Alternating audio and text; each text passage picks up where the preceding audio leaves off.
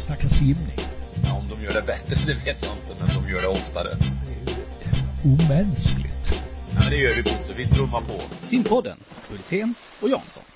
Vi är framme vid eh, påsk. Vi är framme vid eh, simpodden eh, Hultén och Jansson nummer 205 och idag har vi simpanelen med oss.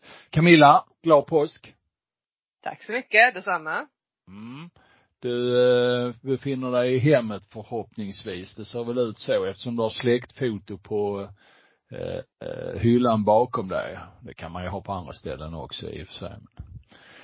Marcus eh, befinner sig på Gotland. Vad, vadan detta? Vad gör man på Gotland? Ja, jag vet inte än. För jag, jag landade i natt, tänkte jag säga. Eller båten gick i land i natt och så har jag precis vaknat upp. Eh, Jo, jag är halvgotlänning tänkte jag säga. Eller min fru är från Gotland, så vi, vi är här och firar påsk. Snackar hon gotländska också? Ja, det gör hon. Mm. Det, mm. Och det, och det blir värre när kommer hem. Mm. Ja, jo, det kan jag tänka mig. De, de brukar bli enastående gotländska när de kommer på plats. Det är som en skåning som kommer hem. Eh, Jansson, har snön gett sig? Ja, i princip är det ju bart i terrängen förutom den höglänta och skyddade terrängen som ligger i östsluttningar. Men isen är fortfarande okej okay, så att eh, senast igår åkte jag lite skidor på isen. Men du fick inte ni en meter snö förra veckan? Nej. Hos oss kom Nej. det bara en 15-20 centimeter. Ja, ja. Men den har smält bort i stort sett alltihop. Så kan det vara, ja. Strålande väder har vi idag. Ja, det är bra. Det, det, det behöver ni. Det ska vi få ikväll, tror jag. Det är nog det som kommer då. Ja, om, om jag nu inte skulle komma ihåg det någonstans i slutet här så önskar jag alla och en var en riktigt glad påsk. Vi spelar alltså in det här på långfredagen och då ska det bli eh, kanske inte det längsta avsnittet under året utan snarare tvärtom det kortaste. Ja, vi vet inte det. Vi får väl se. Eh, vi ska snacka simning. Eh, och eh, vi ska börja med den här satsningen som eh, eh, Svenska olympiska kommittén tillsammans med Svenska simförbundet kallar Brisbane eh, 2032. Vad kan du om den Jansson? Nej men det är ett såklart spännande projekt. Det är ju från SOKs sida Henrik Forsberg som håller i trådarna, alltså vår Henrik Forsberg får jag säga då, som har jobbat i simningen. Projektledare från simningens sida är Karl Jenner Eh, och man säger det att man ska ge möjligheter till mycket teknikutveckling och racinganalyser uppe på NIC. Man kommer ha en del stödfunktioner där till exempel Johan Wallberg finns med för simsidan och vi har då eh, Stig Mattsson när det gäller matdelen som är en stödfunktion tillsammans med några andra stödgrejer och tanken är ju då att man redan nu börjar plocka in lite folk i år så ser man då till exempel Lisa Nystrand och Tilda Hell som två stycken som ska in plus eh, som man skriver delar utav EJM-truppen och tänker man då ett steg framåt så är det ju tio år fram till 2032. De som är mellan 15 och 20 år kommer då vara mellan 25 och 30 år om de är med då, de som är inne i projektet nu och det är väl en bra ålder. Det är lite kort om hur upplägget är, ser ut. Det jag tycker eh, är väldigt spännande och intressant och bra med den här satsningen, det är den här framförhållningen som man kommer ha nu. Eh, jag vet att man har lyssnat en del med kanadensisk simning för att få till det här och, och de här kanadensarna, de har en otroligt bra framförhållning när det gäller eh, Eh, att gruppera sin verksamhet framöver. Det har jag själv fått eh, ta del av. Så det, det, det, tycker jag är bra. Så det är kanon att eh, svensk simning gör så. Det gäller det ju att, att hålla i den här satsningen så att den inte bara blir som fotsteg i sandstrand efter några år. Eh, finns det någon risk att det blir så?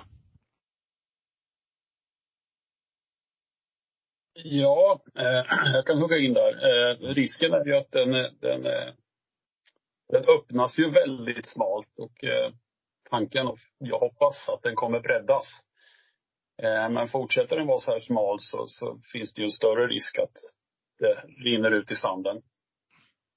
Eh, jag gillar ju alla satsningar när man liksom bestämmer sig för att sätta fingret på någonting och nu börjar vi jobba och gör det långsiktigt. Eh, Eh, men jag kanske hade gått igång ännu mer på om satsningen hade gått ut på att nu, eh, nu satsar vi på unga tränare som befinner sig, alltså som har simmar i åldern 10 till 14. Nu gör vi ett krafttag i svensk simning och utbildar först och främst grymma coacher. Mm. Sen simmare i steg två. Mm. Varför måste tränarna vara unga? Eh, nej, det måste de inte vara. Absolut inte. Eh, men samtidigt ser jag också en, eh, en trend där att, eh, eh att eh, det går inte så många unga tränare på kanten och framför allt att de inte får chansen. Eh, det finns ju mycket projekt, unga ledare och den biten och det går ut mycket på liksom att ta hand om barn och ungdomen. Eh, den killen eller tjejen som är mellan, jag säger 20 och 25 som verkligen vill bli eh, elittränare. Eh, de måste stöttas och få chansen att komma ut tidigare. Mm. Camilla, vad tycker du? Eh, jag håller med Marcus lite grann. Jag tycker att eh, det är ju ett fantastiskt eh, bra projekt och en jättebra tanke. Men kanske lite snävt. Det är ju väldigt svårt att säga att en, ja, en duktig 15-åring sen kan bli en duktig OS-simmare. Och om man då kanske väljer fel simmare så att säga för att de är tidigt utvecklade så är ju risken stor att de droppar av på vägen. Att de pikar tidigt och aldrig kommer dit. Eh, jag hade gärna sett att man hade haft ett, ett bredare tag på det här. Men det, det kanske kommer. Eh, mm. Och det är ju bara jättekul att det, det är något som ske med, med liksom en framtid till i tanken liksom. Så att jag tycker det är positivt, men lite bredare kanske. Jag ställde frågan till eh, förbundskaptenen Martina Aronsson också i, eh, precis som det, eh, jag gjorde här med att det kan bli fotsteg i en sandstrand och vi har, vi har ju sett en del projekt som som man inte orkat hålla i men eh, hon, hon eh, envist eh, höll fast vid och det är jag glad för eh, att eh, det ska det absolut inte bli och hon eh, fyllde väl i precis som ni gör här att det här ska växa. Och jag tycker att de verkligen ska få chansen till det och jag kan helt hålla med Marcus här här är viktigt att få med unga tränare in i en utbildning som åker med den här skjutsen framåt. Och sen att man då bestämmer sig för att så här ska vi ha det. Att man till exempel tittar på lagkapslag på ett tidigt eh, stadium eftersom det är en stor del av, av simningen och inte bestämmer det liksom på resan ner mer eller mindre till tävlingen som man, eh, jag upplever man nästan har gjort eh, på senare år, utan man, att man i god tid i förväg bestämmer sig för, ska vi ha ett herrarnas 4,2 och ett damernas 4,2 och så vidare. Jag tycker för att följa upp det här också att det ska bli eh, spännande att se just det här om det blir mindre avtrappning. Jag har ju roat mig med att faktiskt egentligen under hela 2000-talet se hur många av de här som åker på EJM som vi har ursäkta uttrycket nu, nytta av på lite längre sikt och det är ju förvånans, eller inte förvånansvärt, men det är ju väldigt få då. Och eh, det hoppas jag ju att kanske ett sånt här projekt eh, gör att vi får fler som då tar steget och fortsätter de där tunga åren när de eh, har gått in i senioråldern. Så det ska bli spännande att följa. Sen vänder jag mig lite grann emot det här begreppet unga tränare. Jag tycker det, det, det är ett lurigt begrepp därför att vad vi egentligen vill är väl att vi ska ha oavsett om de är, de är duktiga eller, eller unga eller mellanunga eller mellangamla eller gamla sådana som är sugna på att göra ett ett jobb som håller tillräckligt hög klass för att vi ska uppnå det vi vill. Det finns en liten fara i begreppet eh, och det är ju samma när vi pratar simmare, att vi måste ha in unga simmare, alltså det här att man, man eh, sätter ålder före eh, kompetens? Eh, jag tänker sticka in lite grann. Eh, det handlar inte så mycket om tränare och sånt, men det som är, det är, det är ju att jag hoppas att det här projektet ger, alltså att man börjar jobba ännu mer på det här med att skapa en miljö för elitidrottare efter gymnasiet. För det är ju där vi tappar de flesta. Det, det är ju så att vi fortfarande inte har någon särskilt bra miljö för våra simmare efter gymnasiet. Uh, och, och, och det är ju stöttestenen egentligen. Kanske inte att vi behöver identifiera talangerna tidigt och följa dem utan att de faktiskt har en möjlighet att fortsätta med sin simning någonstans. När du snackar miljö Camilla, för, för lyssnarna här, vad, vad, är det du tänker och tycker om då? Det jag tänker det är ju att eh, om man jämför med NIO som är väldigt upparbetad miljö. Där och NIO är? eh, nationell eh, idrottsutbildning för gymnasiet. Mm. Eh, det finns ju NIO Sim, och Simgymnasium. Simgymnasium, precis. Mm. Simgymnasium och eh, som har både lokalt, eh, distrikt och nationellt intag helt enkelt. Mm. Mm. Eh, och där har vi ganska många och det är väldigt bra miljö och där, har, där ser vi ju stor utveckling. Eh, nästan alla som går vidare till OS och in i landslag har ju varit i någon slags NIU. Eh, men efter NIUn så har vi varit väldigt dåliga på att skapa en miljö eller ge utrymme till simmaren att fortsätta. Eh, det är därför många väljer att åka till USA och det är därför många som lägger av helt enkelt. För att det finns ingen ekonomi i att fortsätta simma eh, och det finns eh, få fördelar att fortsätta simma helt enkelt. Det finns inget så incitament. Eh, och ingen miljö att vara i. Och det är ju någonting som vi har lyft ganska mycket även i den här podden. Men jag tycker att det, det är liksom dags att man tar ett, ett rejält tag för simförbundet och faktiskt försöker lösa det här för simmarna. Eh, så att man inte väljer att antingen sluta eller åka till USA. För alla kan ju inte vara på NEC. Eh, och vi behöver skapa ställen där man kan fortsätta, där det finns en ekonomi och där det finns en, en kringmiljö som gör att man kan satsa mot simningen. Det vill säga eh, eftergymnasial träningscentrum som, där man både kan erbjuda högskola och universitet bra träning, bra förutsättningar, men att det finns på fler ställen i landet. Eh, Precis. Eh, än Stockholm. Och ja. jag menar, eh, Stockholmscentreringen är, är ju lite, ja den är nästan lika uttalad idag eh, i svensk simning som den var på 60-talet när man kallade eh, Neptun, svenska Neptunförbundet va. Eh, och vi måste ha ut verksamheten i landet på ett annat sätt. Det, det må, måste man inse också från Stockholms håll och eh, nationellt håll naturligtvis. Precis, för annars riskerar ju den här satsningen att liksom mynna ut i ingenting, precis som ni säger. Eh, fotstegen i en sand liksom. Eh, om man inte har de här miljöerna som man kan ta vidare simmarna till. Och som sagt, alla kan inte vara i Stockholm. Nej. Ja, det är, så är det.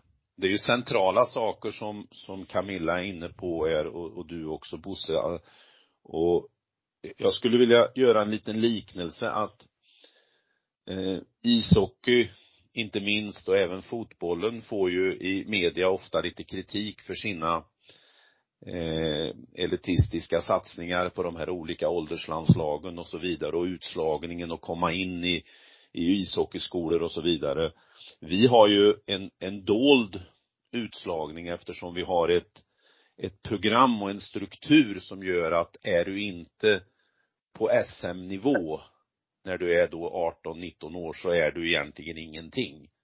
Då är du med automatik utslagen och då kommer ju de här sakerna som Camilla och ni tog upp här nu in på ett väldigt, väldigt centralt sätt tillsammans med förstås ett eh, annorlunda tävlingsprogram. Mm. Ja, men vad bra. Eh, vi eh, önskar all lycka till för projektet Brisbane 2032. Och så eh, tittar vi in i eh, det nya system som det lokala eh, aktivitetsstödet ska ge, det vill säga LOK-stödet. Man gör förändringar nu. Förklara för oss Camilla, vad är det som händer? Det ska inte se ut som du har gjort alltid, eller? Nej, precis. Eh, LOK-stöd, aktivitetsstöd, det är ju helt enkelt att eh, staten och kommunen går in och stöttar aktiviteter som är kopplade till idrott eller kultur eller sådana saker. Eh, och då får man en viss summa pengar per deltagare och per ledare. Och de här bidragen är ju oftast eh, otroligt viktiga för föreningarna för att man ska kunna bedriva sin verksamhet och för att man ska kunna bedriva verksamheten på ett sätt som gör att fler får råd att vara med på eh, verksamheten. Eh, och tidigare har det varit så på det här LOK-stödet som är den statliga delen av eh, aktivitetsstödet att eh, man har fått en viss summa per deltagare en gång om dagen. Och det var samma summa.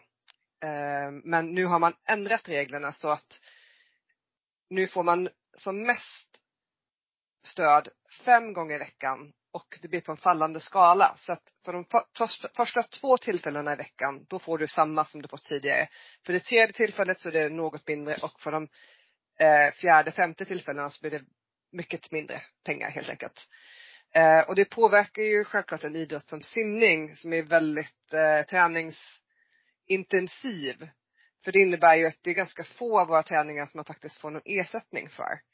Eh, och det är ju i förlängningen inte så bra eftersom det är ju redan väldigt dyrt med simning i och med att man håller på mycket. Det är dyra bassänghyror och det är dyra kostnader för tränare. Så att det här drabbar ju simningen lite dubbelt. Um, och påverkar kanske inte andra idrotter lika mycket. Sen är det klart att det är olika delar i en förening som blir påverkade av det här och inte. Simskolan blir ju inte påverkad för att det, är, det är ju en eller två gånger i veckan så det blir som alltid, som, som tidigare. Men eh, det är just den här eliten då som blir drabbad allra mest av de här nya reglerna. Mm. Det vill säga om man tränar sju gånger i veckan så får man inte betalt för de sista två passen till exempel va? Precis. Och du får inte betalt, och det här är, är, gäller redan sedan tidigare, att man får inte betalt för två pass om dagen utan det är bara ett pass. Mm. Så att eh, om du nu har, låt säga att du har dubbelträning på lördagen och så har du en till träning på måndag. Så får du fortfarande bara betalt för ett pass på lördagen även om det är tre tillfällen i en vecka. Mm. Mm. Och den här fallande skalan, för att sätta kronor på den, det är ju att de första två tillfällena så är det knappa 8 kronor, 7,86 för att vara noggrann. Och sen faller det ner så eh, aktivitet 4 och 5 under veckan är 2 kronor och 62 öre. Hur, hur, vet man om vad, vad, varför man har gjort de här förändringarna? Ja. Alltså tanken är ju att de har en, RF har en, en förhoppning som man skriver i, i eh, informationen att det ska leda till att fler barn och unga engageras i föreningarna och därmed också stannar kvar i föreningarna. Så är skrivningen i rubriken. Mm. Och argumentationen bakom den, eh, hur, hur låter den? Kan vi, om vi eh, ska tänka oss förslagsställarnas idé om det, hur har de tänkt Camilla? Eh, jag tror att de tänker att man vill förhindra tidig specialisering genom att eh, med ekonomiska medel få föreningarna att inte erbjuda lika mycket träningar. Speciellt då i tidig ålder, för det här är också, de här regler, regelverket eh, ändras eh, med åldersspann. Så för, för de yngsta så, så är det andra regler för, än för de äldre som kan få eh, bidrag. Och då tror jag tanken är att man eh, helt enkelt inte vill att, eh, att en idrott ska börja suga upp de unga idrottarna och ta hand om all deras träningstid. Utan att eh, man ska ha tid helt enkelt för att vara med på fler föreningar. Tror jag mm. är mm. tanken. Mm. Ja, finns idéer bakom allt. Jag har alltid hävdat att eh, ett närvarotillfälle Eh, per dag ska belönas med en, eh, ett bidrag. Sen oavsett hur stor, stor eller liten gruppen är, i vilket sammanhang. Så en person ska få ett bidrag varje gång den är med och, och eh, jobbar. Det, det har jag alltid tyckt varit mest, mest rätlinje i detta. Men det är klart att eh, man kan hitta både politiska och taktiska eh, idéer för att skapa idrott naturligtvis. Och det har man ju tänkt sig i det här sammanhanget. Har det varit någon opposition mot detta? Har, har vi läst det? För jag har nämligen inte följt debatten så jag vet inte. Jag tror att eh, förslaget tidigare var ju att det skulle begränsas till bara tre gånger i veckan och då blev det ju väldigt mycket blowback. Alltså då, då var det mycket protester. Eh, och då tror jag att det här blev en slags kompromiss i det hela, att det blev fem gånger istället. Mm. En, en intressant fundering i sammanhanget är ju att om man vill, man skriver ju att man vill att fler ska stanna kvar i idrotten. Det skulle vara intressant om de skruvade de här ekonomiska parametrarna så att man kunde se att det gynnades av att man hade sådana som är 20 till 25 år i, i föreningen. För då skulle ju föreningarna eh, agera utifrån det. Idag är det ju lite grann åt, eh, blir det lite åt andra hållet att du, du eh, får mest betalt för att du har de yngsta med. Mm. Så är det ju. Jag, jag, jag håller med dig Bosse där när du är inne på att allt, allt ska belönas oavsett ålder och antal pass och jag tycker till och med att man ska som förening premieras om man, om man lyckas fånga en ungdom, ett barn, att, eh, ja, att man får dem på kroken. Eh, så att de kan lägga tid och eh, så att man får den här, så att man verkligen tar ansvar för, för barns eh, fysiska utveckling.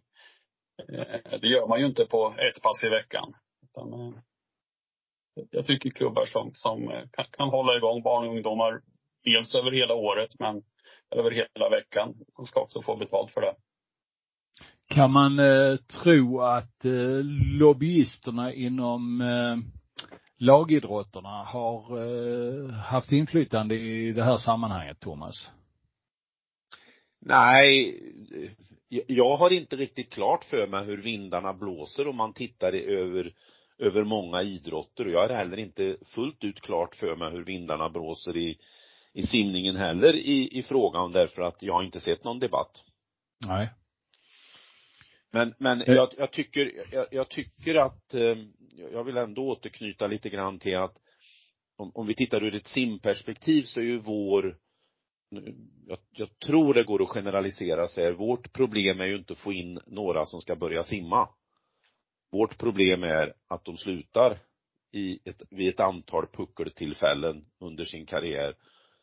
Och, och så, så någonstans så är inte, tycker jag, eh, den här problemställningen, alltså den är, den är inte helt enkel att säga att alla unga ska premieras. Därför att eh, även om vi får fler unga in så får vi ju inte fler som fortsätter. Om vi ska titta på historien. Mm. Har ni räknat på det här i Umeå? Camilla till exempel, vad, vad det betyder i pengar, den här omställningen? Uh, nej, inte så mycket. Jag, jag har bara insett att det kommer ju vara en betydande summa mindre. Uh, så när jag budgeterar så har jag budgeterat för mindre, men jag har inte riktigt suttit ner och gjort hela kalkyleringen. Har du funderat något på att försöka starta fler grupper istället då? Att ja, du menar att man eh, minskar ja. antal träningstillfällen för några i de yngre åren till skillnad från att då starta fler grupper. Alltså utifrån, det är ju det RF på ett vis vill va? Ja, fast de har ju regler för att man inte ska kunna göra så för att det, det är liksom typ samma deltagare i samma förening får bara vara med på liksom typ oavsett vad det är för aktiviteter så är det liksom ja. det är det som gäller. Men däremot så vi har ju även triathlon så att eh, då lägger vi liksom över några i triathlon istället så att vi försöker komma runt på det sättet helt enkelt. Eh, så att eh, de gör sin landträning och sånt räknar vi som triathlon.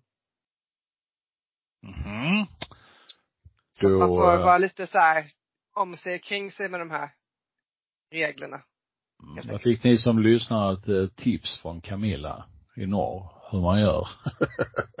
det är alltid spännande. Nej men alla sådana här regler eh, är ju gjorda så att man ska nästan kunna passera runt dem va. Sen eh, ska det väl vara inte för mycket gråzon naturligtvis. Intressant. Ja, Eh, Mackan, Swim Open är avklarat. Fyra dagar i Stockholm. Eh, om du skulle titta på den tävlingen med utifrån ditt perspektiv, Eh, vad tyckte du? Eh, ja, kul, kul att vara tillbaks tänkte jag säga med nästintill ett, ett, ett fullt då. Det var ju fortfarande lite bantat eh, deltagarmässigt. Eh, och eh, det fick mig att fundera på, på framtiden. Vem, vem är den här tävlingen för? Eh, självklart så vill jag fortsätta att se de här världsstjärnorna. Eh, jag vill gärna se Dennis fortsatt vid, vid rodret och kan, kan, kan locka de här stjärnorna för, eh, ja, jag gillar det. Sen eh, det jag funderar på, vilka svenskar ska få plats och hur många. Eh, för, eh, för, för många så är det ju en, en, en utfyllnadstävling, en, en deltagartävling. Den är ju inte riktigt skapad för, för, för den, den, den breda massan, de svenska simmarna. Jag hade en simmare till exempel då, som skulle då simma i den här B-flighten. Och den blev ju ganska urvattnad då, så hon skulle simma 50 rygg och 50 fjäril och hade då ungefär fyra minuter mellan loppen. Sen gjorde hon inte mer på den dagen. Eh, och eh, det måste man ha med sig att eh, den här tävlingen den är, den är gjord för de bästa och den ska ju givetvis vara för de bästa också. Eh, så alla kanske inte har där att göra. Eller alla har nog där att göra för det finns mycket att lära om man går och minglar och eh, eh tittar på de här superloppen. Men Eh, att delta, det, det har jag funderat mycket på. Hur många som ska få chansen att vara med. Eh, sen noterar jag också en ganska svårflörtad publik, tyvärr. Eh, och det tror jag är helt och hållet kopplat till att de är inte där för att titta på världssimning. Eh, de får till exempel inte eh, gåshud av eh, 341. Utan de sitter där och väntar på sin, sitt barn ska simma. Eh, vilket gör att, ja, man får inte riktigt igång och med sig publiken. Så som eh, andra, andra sporter skulle få med sig. Va? Eh, till exempel om Duplantis skulle liksom ställa upp i en gala i Stockholm så, så kommer det folk utifrån som inte har med friidrott att göra. För de vill eventuellt se ett världsrekord i, i stavhopp. Eh, men här passerar de här världstiderna bara. Och så rullar vi vidare. Eh, det, är, det är lite synd och jag vet inte hur, hur man löser den knuten. Och, och jag observerade också att eh, det hände ingenting på läktaren mellan de här B och C-finalerna. Och till klockan 18 när A-finalerna. Det normala skulle ju vara att ja, det kom in ett stort antal publik eh, för nu är det A-final. Eh, men det var samma, samma föräldrar som satt kvar på läktaren där. Så vi har inte lockat publiken riktigt. Vi har lockat föräldrar till, till de svenska simmarna som var där. Och de är ju där för att se sina barn första, första fall. Ett dilemma för simidrott, Thomas Jansson, det här. Att eh, folk inte vet hur bra simningen är egentligen. Nej, och eh, eftersom inte vi varken verkar vilja eller eh, eh, gör något för att media ska eh, att vi ska synas mer i media så kommer det här bara att fortsätta. Det gäller ju inte bara på den här tävlingen men det, det är den vikt, kanske den viktigaste punkten om vi tittar i ett 20-30-årigt perspektiv för simidrotten att vi inte ytterligare marginaliseras inom media. Jag valde för eh, lite spännande skull att de två första dagarna valde jag bara att följa Swim Open i två av de största eh, tidningarna. Så efter två dagar visste jag inget. Och vilka tidningar då? Förutom Aftonbladet Expressen. Mm. Mm. Sen kom det in någon enstaka artikel nu kommer jag ihåg inte i vilken av dem, men det handlade då inte då om resultat. Det handlade då inte om 3.41 på 400 frisim, utan det handlade om någonting helt annat. En artikel var att eh, Sofie har lämnat USA och kan börja tjäna pengar. Och det är ju jättebra. Men den artikeln borde ju ligga i en sån tidning när det inte tävlingarna pågår och istället beskriva om att hon faktiskt gjorde en, en kanontid på 100 bröstsim, 1.06 och 7 eller vad hon hade på 100 där.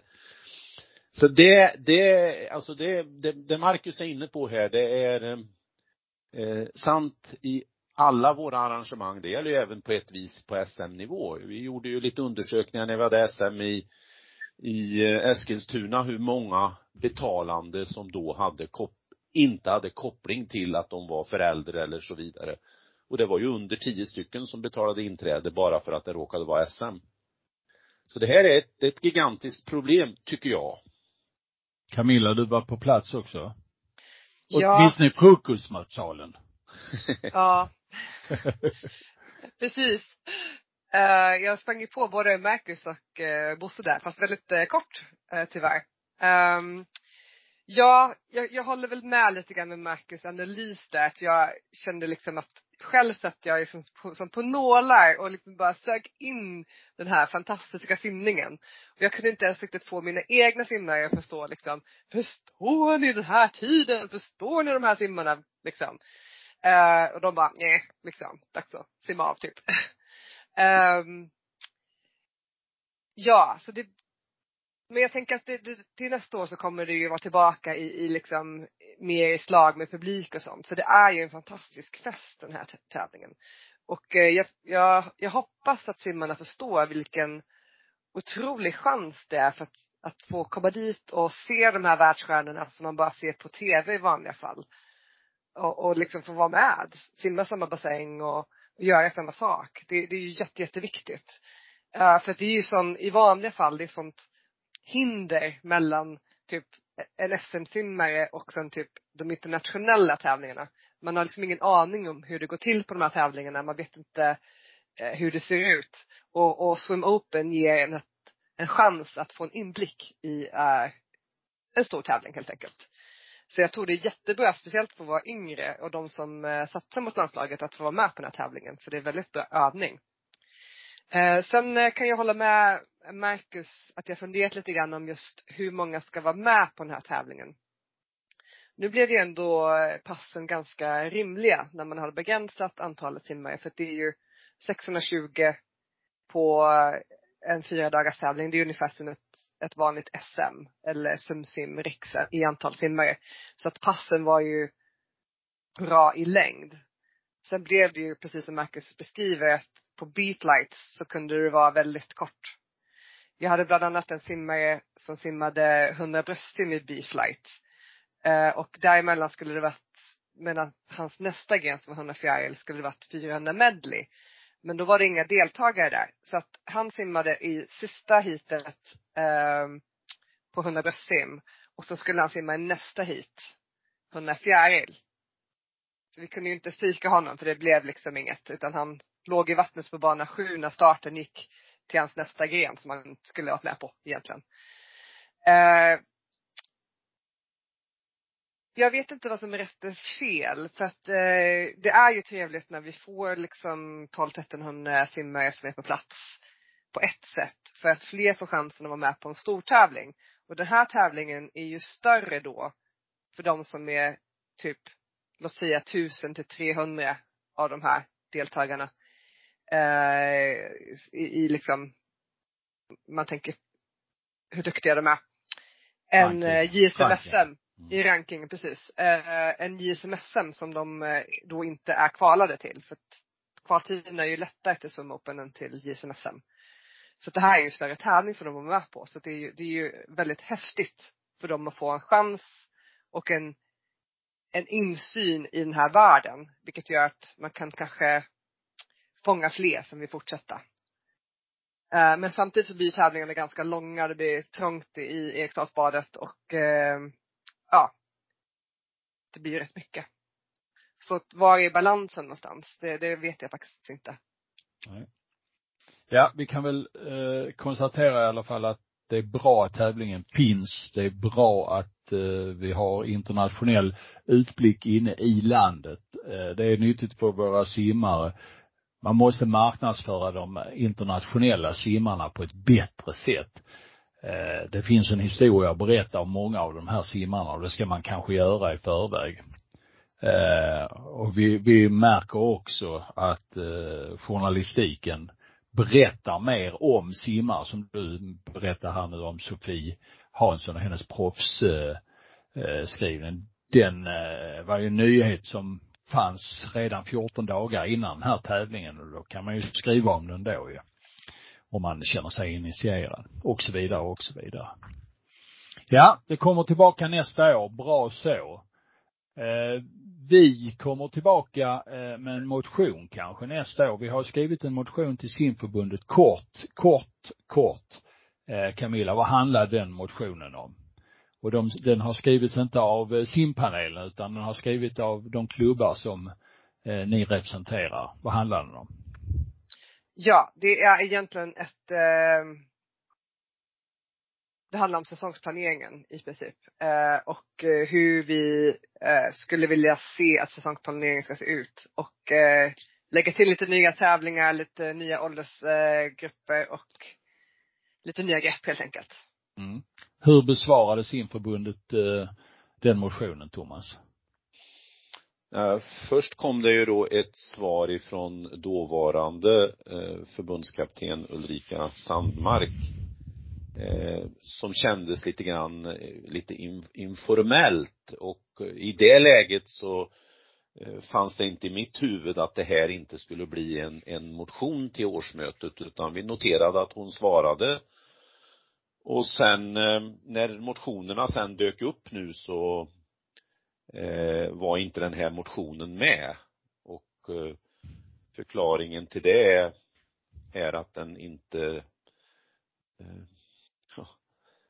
dög formellt sett. Jag vet inte om man kan uttrycka sig så. Ni får hjälpa mig att fylla i nu, Marcus och, och Camilla.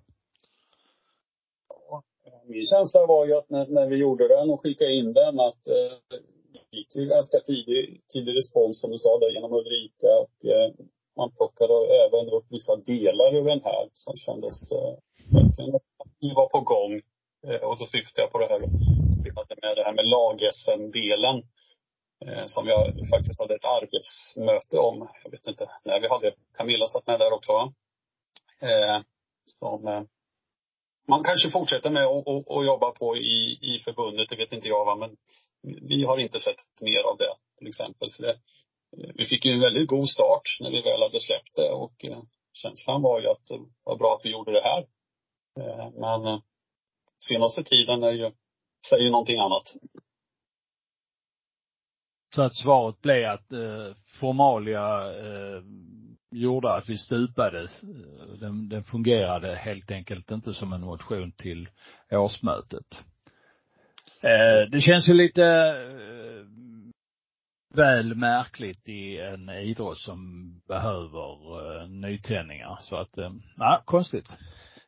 Och ja, man skulle kunna säga som så här att man stänger aldrig möjligheter att göra det enkelt och tillgängligt mm. genom att formalisera på det här viset. Mm.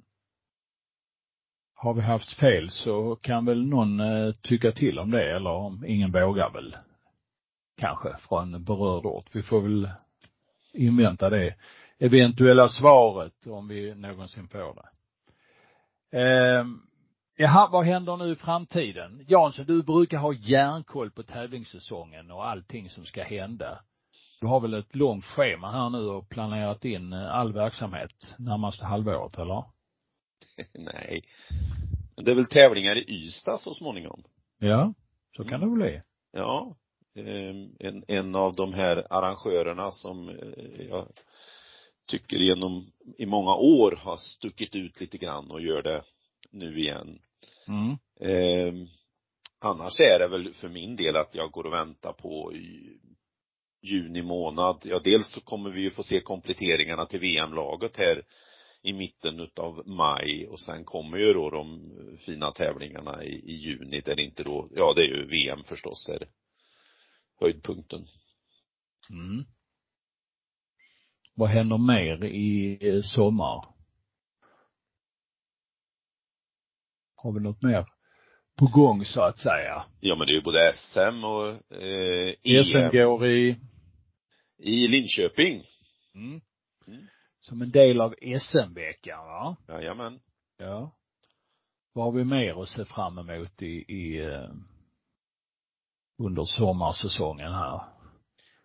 EJM och EJOF. Mm. Så är det. det Nordiska ungdomsmästerskap, Sumsim i Norrköping i början, eller mitten på juli. Går ganska sent i år. Eh, vi har ett Open Water SM i Malmö. 12 till 13 augusti. Det är varmt och skönt i Öresund. Det är 100-årsjubilerande simklubben RAN som arrangerar det, ska sägas. Eh, EM i Rom i sommar, 11 till 21 augusti. Eh, sen kommer det ett junior-VM också. Och sen har vi då eh, GP-tävlingar inledningsvis till hösten. Sen eh, det är väl ungefär det som inryms in, inom de, de närmaste månaderna. Så det finns ju en del att, att se fram emot va. Jag tycker det här EM i augusti låter spännande och, och kanske blir ett, ett kan ses som ett riktigt bra avstamp för, för vår nya förbundskapten att, att eh, ta in lite nya simmare och debutanter. Eh, jag gissar nu, jag killgissar nu att det kan finnas en och annan etablerad simmare som, eh, som tar lite semester den här sommaren för att orka fram till 2024. Som kanske avstår ett EM och nöjer sig med ett VM den här sommaren. Vilket kan göra att det öppnar upp sig för att eh, fylla på med nya landslagssimmare. Mm. Eh, så gissar jag. Det kan man ju hoppas ju. Mm. Um, men man hoppas ju också att eh, de som är med då verkligen är med och simmar till exempel lagkappslag så att vi får supportering av de bästa simmarna som är tillgängliga i lagkapper under eh, de tävlingar. Jag har sett lite annat i, i pressen att det inte skulle vara så, men det hoppas jag verkligen att att det ska bli, för det gäller ju att skola in nya simmare. Och sen att vi har en, en bra och full representation eh, på Europamästerskapen i Rom. Så att det är lagkapslag på här sidan till exempel. Va? Men innan vi kommer dit hän så hinner vi väl kanske både ha panel och podd och vi har ju ett VM i juni där ett lag har tagits ut nu. Mm. Och det laget, vad det går, det kom ut. Ja. Jag har inte behandlat det nu. Finns det någon överraskning där? Tycker ni? Inte än så länge. Det är ju 13 namn eh, och det är väl förväntade namn. Ja. Det är sex herrar, sju damer och eh, om man tittar på då hur det kommer att eh, gå så blir det två finalplatser på herrsidan och tio finalplatser på damsidan och sen några lag så att det kan bli ett rekord-VM. Mm. Det är eh, så du, du har det klart redan alltså? Ja, alltså tittar vi historiskt sett så har vi uppnått 13 finalplatser vid, vid två tillfällen och 12 finalplatser på ett, vid ett tillfällen på ett eh, uh, långbane-VM och uh, här finns ju förutsättningar för att även om Michel inte är med så uh, tar inte det bort någon finalplats på, på, för damerna utan de kommer att kvalificera sig till finalerna ändå så att eh, eh och det är inte säkert att Michelle hade nått final individuellt så att men truppen har ju, det är en stark trupp, det är en mm. oerhört stark trupp. Mm. De kommer att kunna göra det här jättebra. Ja. Och, och jag är också lite nyfiken på hur nu, ni nämnde Martina, ny förbundskapten, Aron, Martina Aronsson. Jag är lite nyfiken på också hur hon kommer att formel, alltså tänka kring lagkapporna när det gäller laguppställningar och upplägg och så, om man kan se något eh, skifte utifrån hur man har gjort förut så att eh, jag är jättenyfiken på, på VM i juni. Mm. Bra. Budapest 18 till 25 juni är det som gäller då. Det är ju ganska lättillgängligt för oss eh, att eh, kunna följa med. Och sen se SVT. Kanon. Mm. Så är det. Därmed så har vi kommit till dags ända här om inte Jansson har någon överraskning i slutet med tre snabba eh, eller eh, tre långsamma eller vad det nu är för någonting. Nej, nu firar vi påsk så det bara ja, bra. Camilla, tack för idag. Eh, en glad påsk till dig. Tack så mycket. Detsamma. Ja, Mac Mackan, ha det så gott på Gotland. Hoppas att eh, du får många ägg på tallriken ikväll och det får ju i alla fall Jansson, det vet jag. Själv ska jag tillreda eh, en lammskånk här på fem kilo som jag har eh, liggande på diskbänken som ska in i ugnen nu. Eh, som ska ligga där fem timmar och gosa till sig så får vi se vad det blir av det. Glad påsk på er allihopa. Tack och hej och eh, därmed har vi avverkat simpodden Hultén och Jansson med simpanelen nummer 205. Hej då! Nu ska vi snacka simning. Ja, om de gör det bättre, det vet jag inte, men de gör det oftare. Det är omänskligt. Ja, men det gör vi Bosse, vi trummar på. Simpodden, Hultén och Jansson.